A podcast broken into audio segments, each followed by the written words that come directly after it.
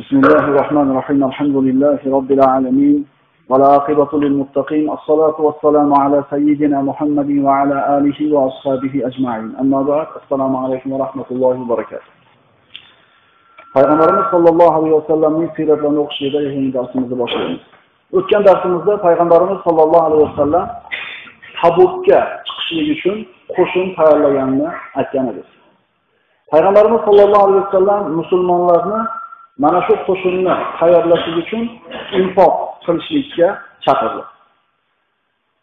Kim ko'p mol olib keldi kim ozroq mol olib keldi munofiqlar o'tirib olib ana shu infoq ehson qilganlarni muhokama qilishdi. O'zlari munofiq. Bir sahobiy katta mablag'ni olib kelib qo'yganida munofiqlar riyo o'zlari munofiq. Yana bir sahoba ozroq ozgina bir xurmo olib kelib o'rtaga tashlaganida ko'rib turib nima qilardi buni olib kelib? Oz olib kelgan kishini hakam muhokama qilishdi. Ko'p olib kelganda ham muhokama qilishdi. O'zlari hech narsa qilmaydi. Mana shunday bir tabiatli insonlar hozir ham yo'q emaski xalq uchun ummat uchun musulmonlar uchun mana shu qavm uchun foydali bo'ladigan bir ishga kirishilsa o'zi hech qanday bir hissasini qo'shmaydi. Lekin shu ishni qilayotganlar ustida muhokama qilib bizni tilda revizor bo'lib oladi. Bilib qo'yaylikki mana shunday bir foydasi tegmasdan bir chekkada turib olib foydasi tegayotgan odamlarni muhokama qilayotgan odamlarni tabiatida shunga o'xshagan narsa yo'qmikan bir tekshirib qo'ysin o'zi.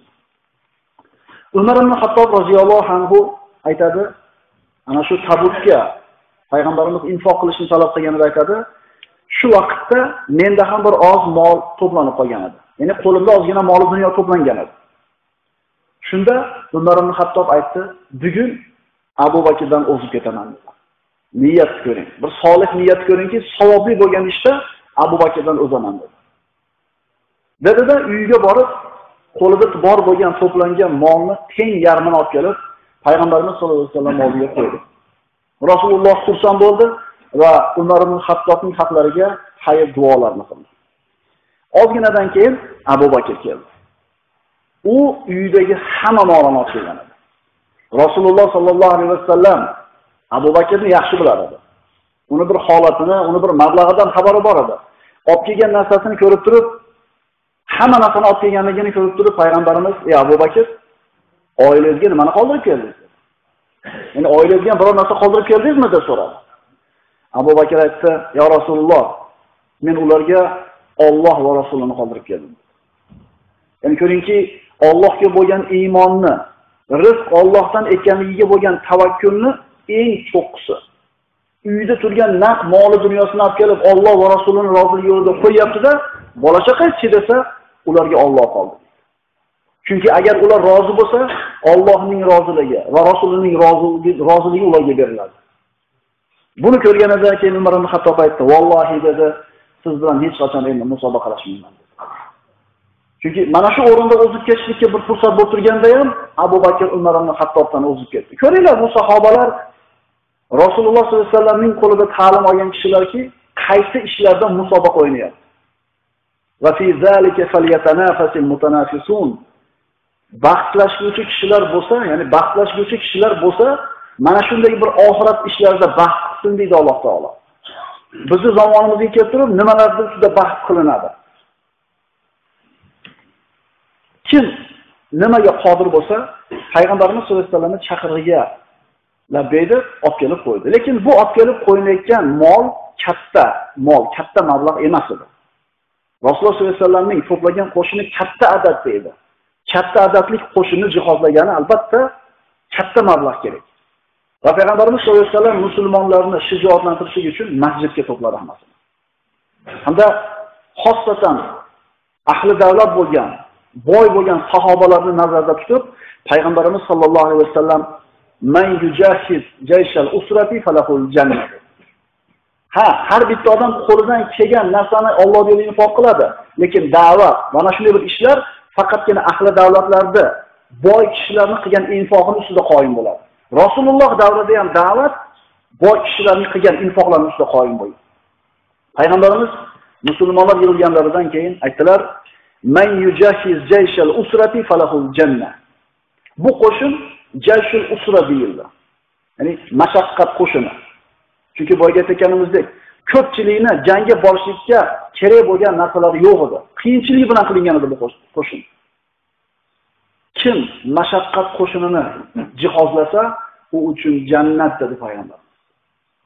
Mana hozir qo'lida davlati bor bo'lgan kishilarga shunday bir imkoniyatki, payg'ambarimizdan aniq ravshan jannat mukofoti aytilmayapti. Kim mashaqqat qo'shini jihozlasa, u uchun jannat bor. Usmon roziyallohu anhu turdi. Ya Rasululloh dedi. Mendan 100 tuya dedi Jangchi uchun kerak bo'ladigan hamma narsalar bilan mendan 100 ta dedi Payg'ambarimiz va'da qilgan birinchi va'dani Usmon roziyallohu anhu oldi. Payg'ambarimiz yana ko'proq infoq bo'lsin deb yana aytdilar. Kim mashaqqat qo'shini mashaqqat qo'shinini jihozlasa, u uchun jannat deb yana bir marta aytdi. Hech kim turmadi. Usmon roziyallohu yana turdi. Ya Rasululloh, mendan yana 100 ta deb tuya dedi. Mendan yana 100 ta tuya dedi. Nima kerak bo'lsa jangchiga hamma narsasi mendan dedi. Rivoyatlarda keltirilishicha mana shu kuni payg'ambarimizning mana shu chaqirig'iga labbay deb Usmon roziyallohu anhu 7 yoki 10 marta o'rnidan turdi. Yetti marta jannatni bashoratini payg'ambarimizdan oldi. Alloh xohlagan ekan Usmon roziyallohu anhu beribdi birodarlar. Eslaylik, Usmon roziyallohu anhuni hayotiga murojaat qiladigan bo'lsak, payg'ambarimizning masjidlari, masjidi Nabaviy qorli qilib qo'yganida Rasululloh masjidni kengaytirishlikka bir e, rag'batini bildirdi. Masjidni kengaytirishlik kerak degandek bir ishorani qilganda Usmon roziyallohu anhu shoshib masjidni yonidagi bitta uyni sotib oldida masjidni hududiga qo'shib qo'ydi. Usmon roziyallohu anhu masjidi Nabaviyga ham yer qo'shib Masjidul Haram Makka mukarramadagi kengaytirishlikka bir hojat qo'yganida Usmon roziyallohu anhu yana bir qancha hovlini olib masjidni ichiga qo'shib qo'ydi. Alloh Usmon roziyallohu anhudan olishni xohlabdiki, Usmon roziyallohu anhu oxiratiga o'tkazibdi. Usmon roziyallohu anhuning mana shu kuyan mana shu kungi qilgan ishidan payg'ambarimiz qattiq xursand bo'lib, "Ma zarra Usmon ma fa'ala ba'da al-yawm" bugungi qilgan ishidan keyin Usmonga hech narsaning zarari tegmaydi dedi. Ya'ni mana shu hadis Usmon roziyallohu anhuga bashorat bo'ldiki, Usmon roziyallohu anhu avvalgi ham, keyingi ham qiladigan gunohlariga kafforat bo'ldi. aroblar kelib payg'ambarimizga uzr aytishdi. Payg'ambarimiz usullarni qabul qildi, ular qo'shilmadi qo'shinga. Chunki ular musulmonlar bilan birga bo'lsa ham musulmonga foydasi tegmasdi. Payg'ambarimiz buni bilardida, ularga uzrlarni qabul qilib bo'libdi deb qo'shilmaslikka ruxsat berdi. Alloh taolo payg'ambarimizga itoat qildi shunda. Mana shunday qilganga Alloh taolo malomat qildi. Payg'ambarimiz sallallohu alayhi vasallam qo'shini bilan Madinaning tashqarisiga chiqdi va mana shu joyda chodir tikdi. Toki yana kelib kimdir qo'shilmoqchi bo'lsa, o'sha joyga kelib musulmonlar bilan birga bo'lishi mumkin edi. Tabukka payg'ambarimiz 30 ming kishilik qo'shin bilan chiqdi. Bu Rajab oyida, 9-yilning Rajab oyida bo'ldi. Bundan bir necha oylar avval Makka fathiga payg'ambarimiz bilan bor yo'g'i 10 mingta odam kelgan edi. O'zgarishni ko'rdik. Bir yilga yetmagan muddatda payg'ambarimizning qo'shini 30 mingga yetdi. Musulmonlar Madinaning tashqarisida Tabukka ketishlikka tayyorgarlik ko'rib turar ekan, Madinadan munofiq Abdulloh ibn Ubay ibn Salul ham chiqdi. Chiqdi, lekin musulmonlar muaskarga borib turmadi. Alohida muaskar tushdi Va odamlarni o'zini oldida bo'lishiga chaqirdi. Munofiqlar Abdulloh ibn Ubay bilan bo'ldi va ayrim kishilar ham uni oldiga borib turdi. Endi qo'shin Tabukka qarab jilganida Abdulloh ibn Ubay hozir issiq havo ozgina sovisin, mevalar pishsin, havo salqin bo'lsin, keyin chiqamiz. Men qaytdim, sizlar ham qaytinglar dedi. Payg'ambarimiz sollallohu alayhi vasallam qo'shini bilan Tabukka qarab ketdi. Abdulloh ibn Ubayga ergashgan munofiqlar esa Madinaga qaytib kelishdi. Payg'ambarimiz Madinaga amir qilib Ali ibn Abi Solib roziyallohu anhu qoldi. Munofiqlar buni eshitib, ha rasululloh alini og'ir sanaganligi uchun qoldirdi deb gap tarqatishdi. Ali roziyallohu anhuga bu xabar yetganida norozi bo'ldida, qurollarini oldi, ulovni minib, qo'shin orqasidan quvib yetdi. Payg'ambarimiz Ali roziyallohu anhuni ko'rib, "Axir men sizni Madinada qoldirmaganmidim?" dedi. Ali roziyallohu anhu "Ya Rasululloh, odamlar siz meni og'ir sanaganingiz uchun qoldiribsiz, shuna deyishyapti" dedi. Payg'ambarimiz aytdilar, "Vallohi unday emas" dedi. "Vallohi unday emas. Axir siz mening va o'zingizning ahlingizda mening o'rnimda bo'lishni xohlamaysizmi? Horun alayhisalom Musa alayhisalomning o'rnida qolgandek bo'lishdi. Ya'ni Musa alayhisalomning o'rnida qolgandek meni o'rnimda siz qolishga rozi bo'lmaysizmi dedi. Ya'ni bilasizlar, Musa alayhissalom Alloh taoloning huzuriga ketganida gaplashgani xorun alayhissalomni o'zini o'rniga qo'yib ketgan edi. xorun Musoni o'rnida qolgandek meni o'rnimda qolishni xohlamaysizmi dedi-da, yana odamlar noto'g'ri tushunib qolishmasin. Ali Horunning o'rnida qolgan bo'lsa, demak Ali ham nabiy ekan degan tushuncha bo'lib qolmasin deb, faqat mendan keyin nabiy bo'lmaydi deb qo'ydi payg'ambar. Chunki shu so'zni aytib qolmasa, ehtimol odamlar ha Horun nabiy edi, shuning uchun payg'ambar o'rnida qoluvdi. Demak, Ali ham nabiy ekan degan tushuncha bo'lmasin faqat mendan keyin nabiy bo'lmaydi dedi. Ali roziyallohu anhu rozi bo'ldi va Madinaga qaytib ketdi. Yana Madinada qolgan kishilardan bir 11 ga yaqin kishi, iymon bilan tanilgan bir 11 ga yaqin kishi qolishdi. Orqada qolganlardan Abu Haysama roziyallohu anhu. Abu Haysama qo'shin chiqib ketar ekan Madinadan, hozir chiqaman, hozir chiqaman dedida qolib ketdi. uyiga boruvdi. uyida ikkita ayoli bor. Ikkalasi ham o'zlaridagi bir zebr ziynatlarni ilib, o'zlariga oro berib, uylarni supurib, sidirib, suvlarni sepib, hamma yoqda soya salqin qilib, Madinada erta pishadigan mevalarni avvalgilardan olib kelib, kutib turishgan edi. Abu Haysama uyiga kirdida bu manzarani ko'rib, subhanalloh dedi o'ziga. Rasululloh issiqda, shamolda, sahroda turganda sen ikkita ayolning o'rtasida soya salqin mevada o'tirasan. Bu insofdan emas dedi. Va ayollarga qarab turibdiki, vallohi kirmayman oldinglarga dedi. Ulovimni ozuqalarni tayyorlab beringlar. Rasululloh oldiga ketaman dedi. Ya'ni iymonli odam qanday qilib bu narsaga rozi bo'ladi? Haqiqatan kirmadi, ulovlarini tayyorlab berganidan keyin, ulovini tayyorlab berishganidan keyin qo'shini orqasidan yetdi. qo'shini orqasidan yurdi. Musulmonlar ketib borar ekan, vaqti-vaqti bilan payg'ambarimiz qo'shinni to'xtatadi. Orqada biror bir odam kech qolgan bo'lsa, ulgib yetib kelmasligi uchun. Qo'shin damalib, damalib yurdi, Abu Haysama esa damalmadi. Chunki tezroq yetib olishligi kerak. Rasululloh 30 ming kishidan iborat qo'shinini kuzatardida e'tibor bering, kim yo'qligini biladi Rasululloh qanday rahbar bo'lganligini bir mulohaza qilib qo'yaylik.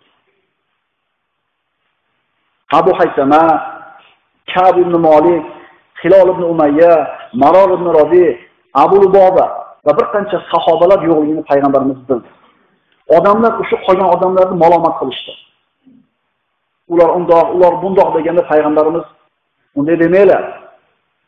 Agar ularda yaxshilik bo'lsa, Alloh bizni oldimizga olib keladi ular. Agar unday bo'lmasa, ya'ni yaxshilik bo'lmasa, ulardan qutulibsizlar. Tavilni qarang. Xayriyati bo'lsa, oldimizga Alloh olib keladi ularni. Agar xayriyati bo'lmaydigan bo'lsa, qutulibsizlar, shukr qilinglar. Odamlar qo'shin to'xtab turgan paytda orqaga qarashuvdi, bir odam kelayotgan qorasi ko'rindi. Ya'ni bir odam kelayotgani ko'rindi. Hamma faras qilishni boshladi. U falonchi, falonchi, falonchi. Payg'ambarimiz kun Aba Haysama. Abu Haysama bo'ldi. ozgina vaqtdan keyin hali otliq yoki ulovni mingan kishi keldida, "Ya Rasululloh, bu Abu Haysam ekan" deyishdi. Rasulullohning oldiga kelganida Rasululloh qattiq norozi edi bu sahobasidan. Abu Haysamaga qarab turib, "Avlalaka ya Abu Haysam. Avlalaka ya Abu Haysam." Ya'ni halok bo'lishga oz qoluvdingiz dedi. Halok bo'lishga oz qoluvdingiz dedi. Payg'ambarimiz sollallohu alayhi vasallamga uzrini aytdi. Payg'ambarimiz mana shunday ma'lumot qildi va u kishini avf qildi. Qo'shin yurib borar ekan, Hijr degan joyga yetib keldi. Solih alayhissalom Samud qavmiga payg'ambar qilib yuborilgan edi. Ular yashagan joy Hijr deb nomlanadi. Alloh taoloning balosi og'ir bu qavm vayron bo'lgan edi. Ana shu vayron bo'lgan Samud qavmining yerlaridan musulmonlar o'tish olgan bo'ldi. Payg'ambarimiz bexabar bir qancha sahobalar suv yo'qligidan ana shu Hijrga kirib, Samud qavmining quduqlaridan suv olishdi. Ana shu suvdan xamirlar ham qorib qo'yishni non yopgan. Rasululloh bundan xabar topganidan keyin qattiq g'azabi keldida, Rasululloh sollallohu alayhi vasallam ularga idishlardagi suvlarni to'kishlikni va qorib qo'yilgan xamirlarni hayvonlarga berishlikka buyurdi. So'ngra qo'shinni u yerdan jilishga buyurdi. Aytdilarki, la tadkhulu buyutal ladina zalamu anfusahum illa wa antum bakun khawfan an yusibakum ma asabahum. O'zlariga zulm qilgan kishilarning uylariga kirmanglar. Agar kirsanglar, ya'ni kirishga to'g'ri kelib qolsa, ularga yetgan balo sizlarga yetmasligi uchun qo'rqib yig'linglar dedi. Mana shundan ma'lum bo'ladiki, Alloh taoloning balosi yoqqan, tosh yoqqan, yer yutgan, Allohning balosi, g'azabi tushgan joyga musulmon odamda kirmasligi sunnat bo'ladi. Bunday joyga kirishlik mumkin emas. Musulmonlar Hijrdan chiqib ketishdi. Suv yo'q, 30 ming askarda suvi qolmadi. Kelib payg'ambarimizga shikoyat qilishdi. Rasululloh sollallohu alayhi vasallam qo'l ochib duo. Shu payt sahobalar aytadi, osmonda hech qanday bulut yo'q. To'satdan bulut to'plandi, ustimizda yig'ildi, ustimizga yomg'ir yog'di. Shunday yog'diki, ichishdi, idishlarga olishdi, hatto yuvinib ham olishdi. Kifoyalangandan keyin qo'shin jildi, jilib qarasa faqatgina ular turgan joyga yomg'ir yoqqan edi. Boshqa joyga bir tomchi ham suv tushmagan. Bu payg'ambarimiz sollallohu alayhi vasallamga ko'rsatgan mana shu mo'jizalardan. Qo'shin ketib borarkan, Abu Zar roziyallohu anhuning mingan tuyasi kasal bo'lib qoldi, qadami sekinlab qoldi.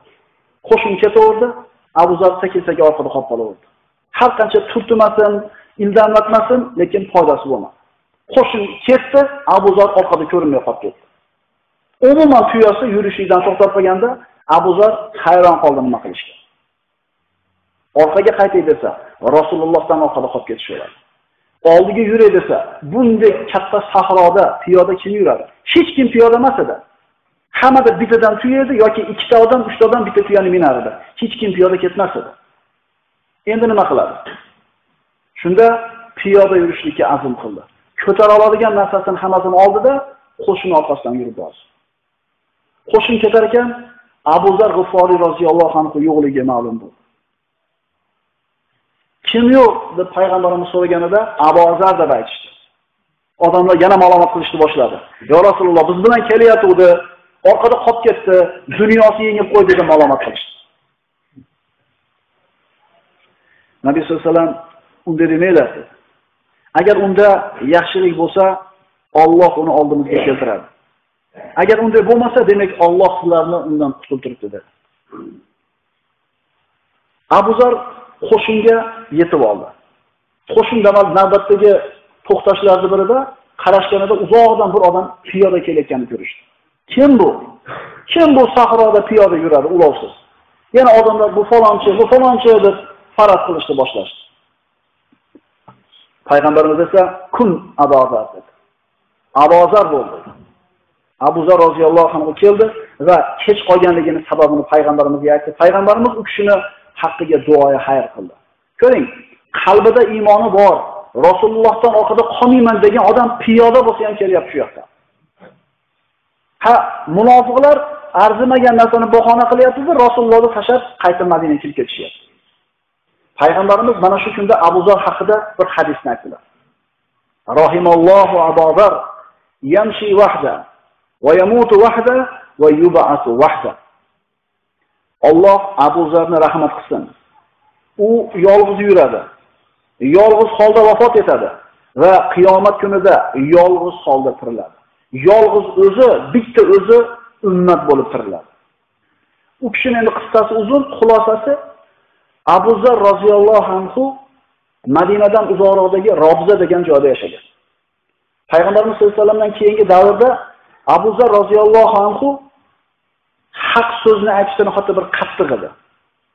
Odamlardan haqni talab qilishda ham qattiq edi. Odamlar sabr qilishmagan edi Abu Zarga. Shunda Abu Zar roziyallohu anhu robzaga borib yashadi. Qarib o'lim soatlari yaqinligini sezganida Abu Zar roziyallohu anhu aytadiki, bir ayoli, qari ayoli va kichkina bola bilan yashaydi. Agar men vafot qilsam deydi. Meni e, dafn qilishlik qiyin. Bu qari ayol dafn qila olmaydi yosh bola bilan. Men vafot qilsam, meni yo'lni chekasiga olib qo'yinglar. Shoyat biron bir karvon o'tib, ya'ni musulmonlar o'tib, meni ko'mib qo'yishsa dedi. Haqiqatdan vafot qildi.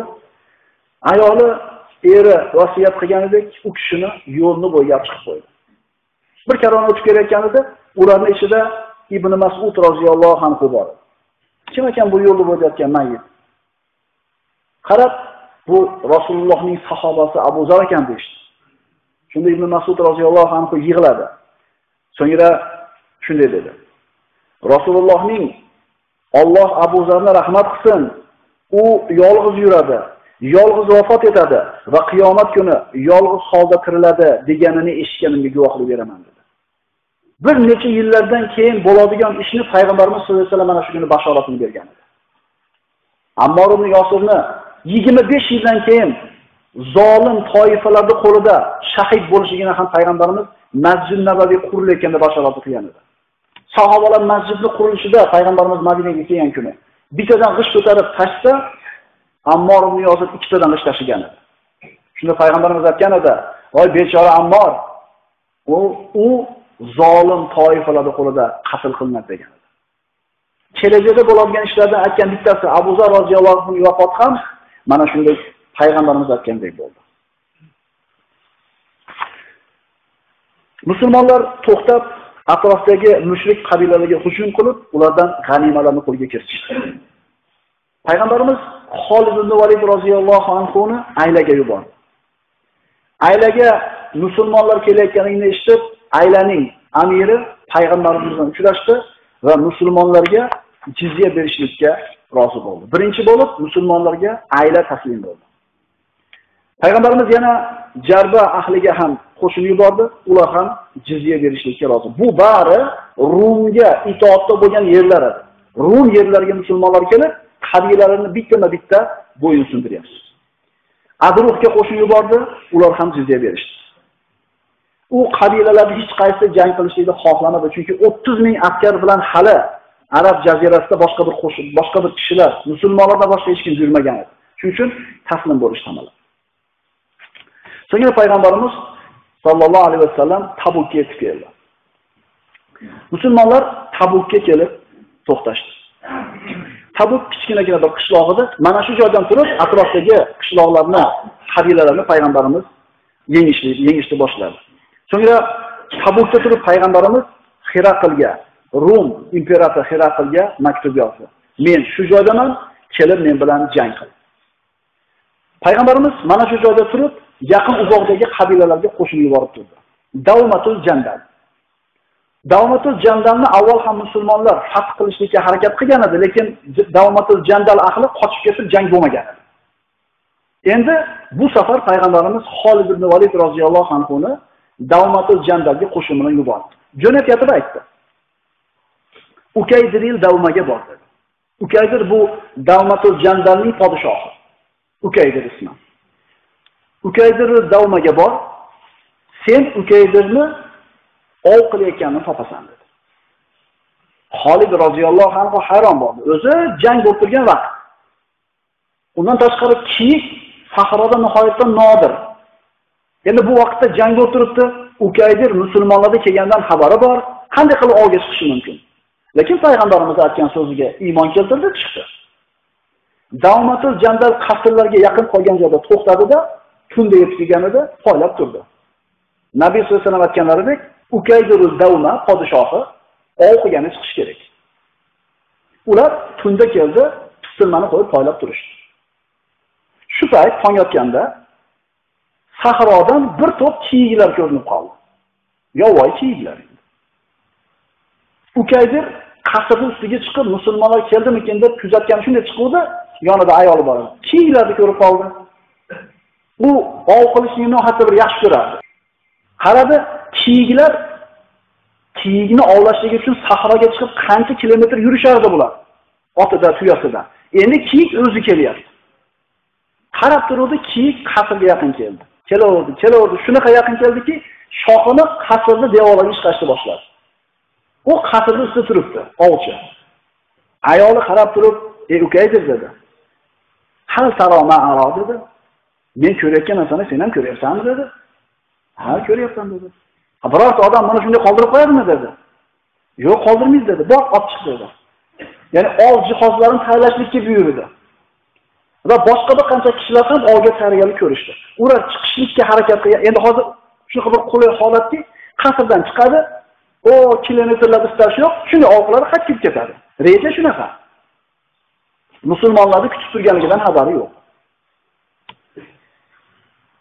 Ular tayyorgarlikni ko'rib, qasrdan chiqquncha kiyiklar ozgina uzoqlashgan edi. Ular chiqdi, kiyiklar jildi, jildi, ular orqasidan bordi, musulmonlar tomonga o'zlari borib qolgan bilmay qoldi. To'satdan Xolid ibn Valid qo'ygan pistirni hujum qildida, ular o'rtasida jang bo'ldi. Ukaydirning ukasi Hasson qatl qilindi. Ukaydir va boshqa hamma asir tushdi. Davomatul Jandalning podshohi asir tushdi. Mana shunday bir ajib yo'l bilan qisqagina bo'lgan jang bilan Davomatul jangda musulmonlarni qo'li yurdi ukayzirni payg'ambarimiz oldiga olib kelishdi. Ukaydirning ukasi Hasson ovga chiqib kelyapti, nihoyatda bir oltinlar bilan, gavharlar bilan bezatilgan ipek kiyimlarni kiyib chiqqan edi. Endi o'lgan kishini kiyimlarini o'lja qatori olib musulmonlarni oldiga olib kelganda, musulmonlar ko'rib uni kiyimni go'zalligidan, kiyimni bir hashamatdorligidan hayron qolib, uni tomosha qilishni boshlashdi. Shunda payg'ambarimiz sollallohu alayhi vasallam ularni bu ishiga qarab ta'lim berib, bu kiyimlarni chiroyiga qarab taajjublanyapsizlarmi dedi. Vallohi Sa'd ibn Muozning jannatda ishlatadigan ro'molchasi buni hammasidan ko'ra afzalroq dedi. Ya'ni oxiratda beriladigan ro'molcha dunyodagi eng zo'r matosdan ko'ra afzalroq bo'ladi. Ta'lim berdi. Dunyodagi ne'matlar bilan oxiratdagi ne'matlar taqqoslab bo'lmaydi. Ukaydir asr tushdi, ukasi qatl qilindi. Ukaydir musulmonlarning qo'shinini ko'rib turib, jang qilolmaslikka ahliyatida payg'ambarimizga jizya to'layman dedi. Payg'ambarimiz dedi, "Sen asirsan" dedi. Kim menga kafolat beradi seni qavming gapingni olishligini? U aytdi, Allohga qasam, qavmim meni gapimni qaytarmaydi dedi. Payg'ambarimiz rozi bo'ldi. Shunday qilib Davmatul Jandal musulmonlarga jizya to'lashdi. أقول قولي هذا وأستغفر الله لي ولكم سبحان ربك رب العزة عما يصفون وسلام بسم الله الرحمن الرحيم إن الحمد لله نحمده ونستعينه ونستغفره ونعوذ بالله من شرور أنفسنا ومن سيئات أعمالنا من يهده الله فلا مضل له ومن يضلله فلا هادي له ونشهد أن لا إله إلا الله وحده لا شريك له ونشهد أن محمدا عبده ورسوله أما بعد السلام عليكم ورحمة الله وبركاته Payg'ambarimiz sollallohu alayhi vasallamning siyratlarini o'qishlikda keyingi darsimizni boshlaymiz. O'tgan darsimizda Payg'ambarimiz sollallohu alayhi vasallam Tabuk yetib borganligi, u yerdan turib atrofdagi qabilalarni bo'yinsundirganligi hamda xiraqlga maktub yuborganligini aytib o'tgan edik. xiraqlga maktub yetib borishligidan avval ham Xiraqil payg'ambarimiz sollallohu alayhi vasallam haqida eshitgan edi. Endi payg'ambarimiz Tabukka kelib xiraqlga maktub jo'natdi. Maktubni xiraqlga yetkazishdi. Elchiga meni javobim sizlarga boradi dedi, javob berdi. So'ngra Xiraqil aytdi: o'zini yonidagilarga meni oldimga zehnli, hushyor farosatli, meni dinimda bo'lgan bir arab yigitini olib kelinglar. Arab bo'lsin, meni dinimda nasroniy dinida bo'lsin dedi, hamda nihoyatda bir zehnlik, hushyor zira yigit bo'lsin dedi. Rumliklar uni oldiga tanohiy ismli bir yigitni olib kelishdi. Xiraqil tanohiyga men seni maktub bilan Muhammadni oldiga yubormoqchiman dedi. sen borasan bir qancha alomatlarni kuzatib kel dedi rasululloh sollallohu alayhi vasallam hiraqilga yuborgan maktubida uni shunday deb chaqirgan edi islomga men seni ya'ni Allohga hamd o'ziga salovat aytganidan keyin men seni kengligi osmonlar va yerdan keng bo'lgan jannatga chaqiraman. Agar islomga kirmasang, u holda arisiyin, ya'ni rumliklarning gunohi seni yelkangda bo'ladi degan. xiraql nafaqat podshoh edi, u yana olim ham edi. xiraql Tavrot va Injil ilmidan xabardor edi. Tanuhiga aytdi: "Sen Muhammadning oldiga borib, 3 ta alomatga e'tibor qil.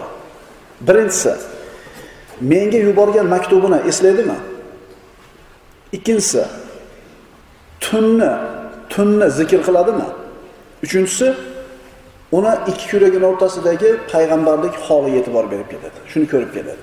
Mana shu 3 ta alomatni ko'rib kelishlik vazifasi bilan Tanuhiyni yubordi. Tanuhiy Xiraqning maktubini olib Rasulullohning oldiga Tabukka keldi. Xiraqil maktubida shunday degan bo'ladi. Payg'ambarimizga Xiraqil yozyapti. Sen meni kengligi osmonlar u yerdan keng bo'lgan jannatga chaqiribsan. Kengligi osmon yerdan keng ekan. Unda osmon qayerda qoladi? Kengligi osmonlar yerdan keng bo'lgan jannatga chaqiribsan. Unda jahannam qayerda bo'ladi? Tushunadigan savol.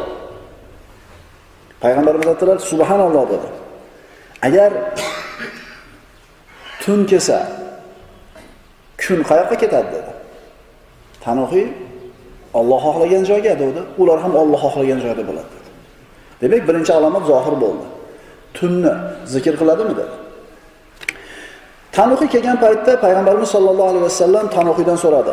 Meni maktubimni meni maktubimni nima qildi dedi. Mana bu endi yana aytilgan bitta alomat. Maktubini eslaydimi? Maktubini so'raydimi deb aytgan edi. Nima qildi Xiraqil meni maktubimni dedi. Tanuhiy ushlab qoldi dedi. Rasululloh aytdilar, ammo Kisro dedi, Fors podshohi.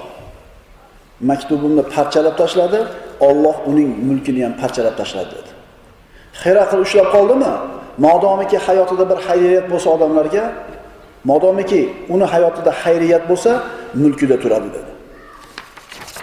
Endi 3-alomat. Payg'ambarlik holini ko'rishlik endi oson emas. Shuning uchun Tanuhiy bir necha kun payg'ambarimiz oldida qolishga ruxsat so'radi, Rasululloh ruxsat berdi. Tanuhiy bilan Rasululloh kunda uchrashib turadi, doim gaplashib turar ekan, undagi aqlni, zakovatni, lug'atdagi fasohatni ko'rdida, payg'ambarimiz uni islomga kirishiga haris bo'lib qoldi. darhaqiqat Tanuhiydagi sifatlar odamni xursand qiladigan sifatlar edi. Rasululloh sollallohu alayhi vasallam unga xos muomalada bo'ldi. U bilan birga o'tirdi, suhbatlashdi, xos da'vat qildi. So'ngra bir necha kun o'tgandan keyin Etanohiy dedi payg'ambarimiz. Islom aql egasiga maxfiy qolmaydi dedi. Islomga kir dedi. Tanohiyatda men qavmimni bir kishisiman dedi.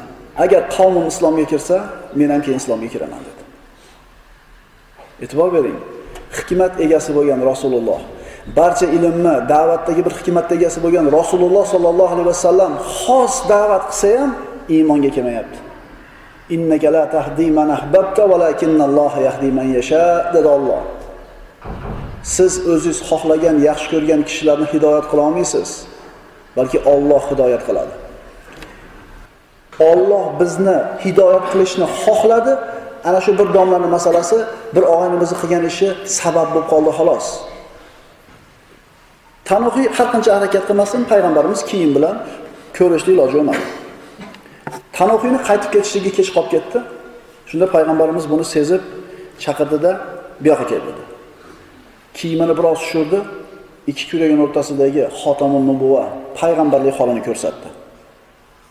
So'ngra Tanohiy qaytib ketdi. Hiraqlning oldiga yetib bordi va aytgan barcha alomatlarni topganligini xabarini bildirdi. Hiraql so'ragan hamma alomatlar payg'ambarimizda bor edi. Rasulullohni haqiqiy Allohning payg'ambari ekanligiga Hiraql endi amin bo'ldi. Shunda o'zini ayonlarini, qo'mondonlarini, barcha kiborlarni to'pladi. Chaqirib ularga bilasizlar, Muhammad qo'shini bilan keldi. Ular ha biz bilamiz, tayyorgarlik ko'rib oldik. Rum qo'shini chiqishlikka tayyor bo'lgan edi.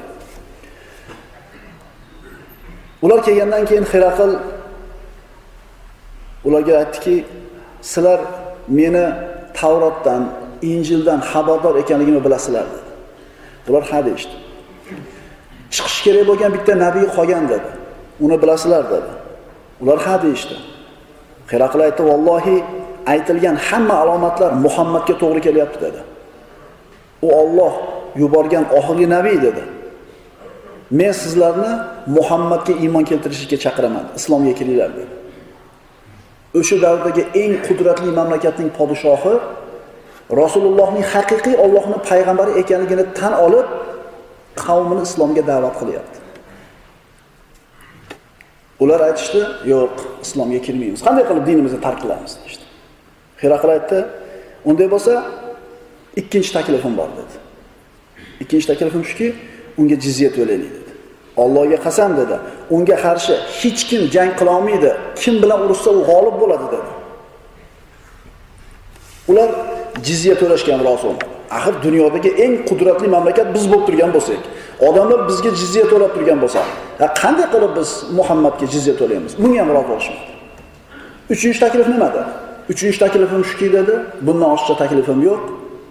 Jang qilmaylik bo'lmasa dedi. Vallohi yahzimukum dedi. Vallohi sizlarni mag'lub qiladi agar urushadigan bo'lsanglar. Ular ha, bu taklifni mayli qabul qilamiz dedi. Shunday qilib, o'sha zamonning eng ulug' mamlakati Rasululloh sollallohu alayhi vasallam bilan jang qilishlikka chiqmadi, qo'rqdi. Rasululloh sollallohu alayhi vasallam musulmonlar Rum qo'shinining kelishini kutib turishdi. Hamma kutdi. Butun olam kuzatib turibdi. Ya'ni Muhammad o'zining askari bilan Tabukka bordi, Rumni jang qilishlikka chaqirdi, lekin Rum chiqmadi. Butun olam, butun dunyo mana shu xabarni eshitganidan keyin Rumliklar payg'ambarimizga odam yuborishdi. Agar joyilarda bizni kutib 1 yil tursanglar ham biz chiqmaymiz deyishdi Mana shu so'z bilan payg'ambarimiz sollallohu alayhi vasallam kifoyalandi. 10 kundan ko'proq vaqt turdi, so'ngra qaytishlikka buyurdi. Ya'ni Rumga tobe bo'lgan Tabuk yerlari musulmonlarni ixtiyorida bo'ldi endi. Tabukka keldi payg'ambarimiz, atrofdagi qabilalarni bo'yin sundirdi, Rum esa jang qilishni xohlamadi. Shu xabar tarqagandan keyin payg'ambarimiz qaytishga buyurdi. Maqsadga yetildi. Bu din faqatgina arablar uchun emas, butun dunyodagi kishilar uchun ekanligini payg'ambarimiz shu bilan butun olamga xabarini berdi. Mana shu Tabuk g'azoti sababli musulmonlarning quvvati, payg'ambarimizning quvvati qaysi darajaga yetganligini hamma ko'rdi, bildi. Va mana shu e, mana shu Tabuk g'azoti sababli keyinchalik boshqa arab qabilalari to'da-to'da bo'lib kelib Madinada islomni e'lon qilishdi. Chunki Rumki qo'rqyaptimi musulmonlardan? Demak, bularni sha'ni yuksalgan edi. To'p to'p bundan keyingi yil omul vufud deyiladi. Vafdlar yili. Qabilalar to'p-to'p bo'lib kelib islomni qabul qilishgan. Payg'ambarimiz sollallohu alayhi vasallam qaytib kelar ekan qo'shini bilan yo'lda bir qancha voqealar sodir bo'ldi. Rasululloh aytdilar, qo'shiniga buyurdi, hamma yetkazildi. Inna sanamurru alal vashal. Faman sabaqana ilayhi fala ta'khudh minhu shay'a. Biz vashalga yetib boramiz dedi payg'ambarimiz. Kim bizdan avvalroq yetib borsa, undagi narsaga tegmasin dedi. Ya'ni hech kim qo'lini tegizmasin dedi. Vashal nima edi? Vashal bu ichidan suv tomib turadigan bir tosh edi. Suv tomardi, shu toshga suv to'planib qolar edi. Shu toshga kim birinchi yetib kelsa, ichidagi narsani hech kim olmasin dedi. Va butun qo'shinga bu narsa tarqadi. Munofiqlardan bir qanchalari vashalga ertaroq yetib kelishida ichidagi suvni, to'planib qolgan ozgina suvni o'zlariga olib qo'yishdi. Payg'ambarimiz kelib suvni olinganligini ko'rgandan keyin la'anahumulloh dedi. Alloh ularni la'natlasin dedi. Axir men aytmaganmidim, kim bizdan avvalroq yetib kelsa, undagi narsani olmasin. Shunday demaganmidim. So'ngra payg'ambarimizga suv olib kelishdi. Ana shu vashalni ustida turib payg'ambarimiz tahorat oldida unga suv sepdi. Mana shu joyda turgan sahobalar aytadi, shu hadisni rivoyat qilayotgan sahobalar xuddi momaqoldiroqni gumburlaganiga o'xshagan ovozni eshitdik bu tosh ichidan deydi. Rasulullohni tahorat suvlari tekkandan keyin gumburlagan eshitdikda, so'ngra tosh yorildi, ichidan suv otilib chiqdi dedi. Payg'ambarimiz aytadilar: "Alloh ularni la'natlasin, suv olganlarni." Vallohi agar uni o'z holida qoldirganlarida bu jazirada daryo bo'lib oqardi dedi. Yo'lda qo'shin qaytib kelar ekan Abu Rohim roziyallohu anhu rasulullohni yonida kelardi tuyasini ustidan. Abu Rohim aytadi: "Men deydi, uyqusirab tuyam ustida sezmay qolibman" deydi. Tuyam kelib rasulullohni oyog'ini siqib qo'yibdi deydi. Uyqusirab nima qilayotgan bilmay bir payt his degan ovozni eshitdim deydi. Shunday qarasam, tuyam rasulullohni oyog'ini qisib qo'yibdi deydi. Shunda payg'ambarimiz sollallohu alayhi vasallam qamchi bilan bir urdida uyg'on dedi. Meni jarohatlading dedi. Ozgina yurgandan keyin yana uyqusirab yana oyog'ini qisib qo'ydi. Shunda Abu Rohim aytadi: "Qo'rquvimni qattiqligidan yana bir marta oyog'ini ezib qo'ymay Rasulullohni deb qo'shinni orqa tomoniga o'tib ketdim" deydi. Qo'shin dam olishga to'xtadi. Abu Rohim rasulullohni yodidan ko'tarilib ketsin degan maqsadda tuyalarni qo'ylarni haydab, tuyalarni haydab, o qo'shindan uzoqqa qarab ketdi. Chunki payg'ambarimiz unutishini xohlovdi. Chunki Rasulullohga ozor berib qo'ydi. Qo'ylarni haydab kelib, meni hech kim so'ramadimi deb so'radi. Deganda, "Ha, Rasululloh seni so'radi" deydi. Voy menga voy bo'lsin, voy menga voy bo'lsin. Shundan qo'rqayotgandim dedi. Ya'ni payg'ambarimizga ozor jarohat yetkazganligim uchun men haqimda bir oyat nozil bo'larmikin deb qattiq qo'rqdim deydi. So'ngra payg'ambarimiz oldiga bordim deydi. Ana nima dedi Rasululloh? Raufur Rahim bo'lgan Rasululloh nima dedi? "Ey Abu menga ozor berdingiz" dedi. yo Rasululloh, istig'for ayting, Alloh meni kechirsin" dedi. Payg'ambarimiz: "Ey abrohim sizni qamchi bilan urdim. Siz qasddan meni qiynaganingiz yo'q. Qamchini oling dedi, urib oling dedi. abrohim aytdi, "Vallohi Rasululloh men roziman" dedi, "Urmayman" dedi. U siz uchun dedi. Rasululloh sollallohu alayhi vasallam abrohimga ozgina mol va bir qancha bir qo'ylarni berishini buyurdi. abrohim aytadi, "Meni qo'limda birinchi to'plangan mol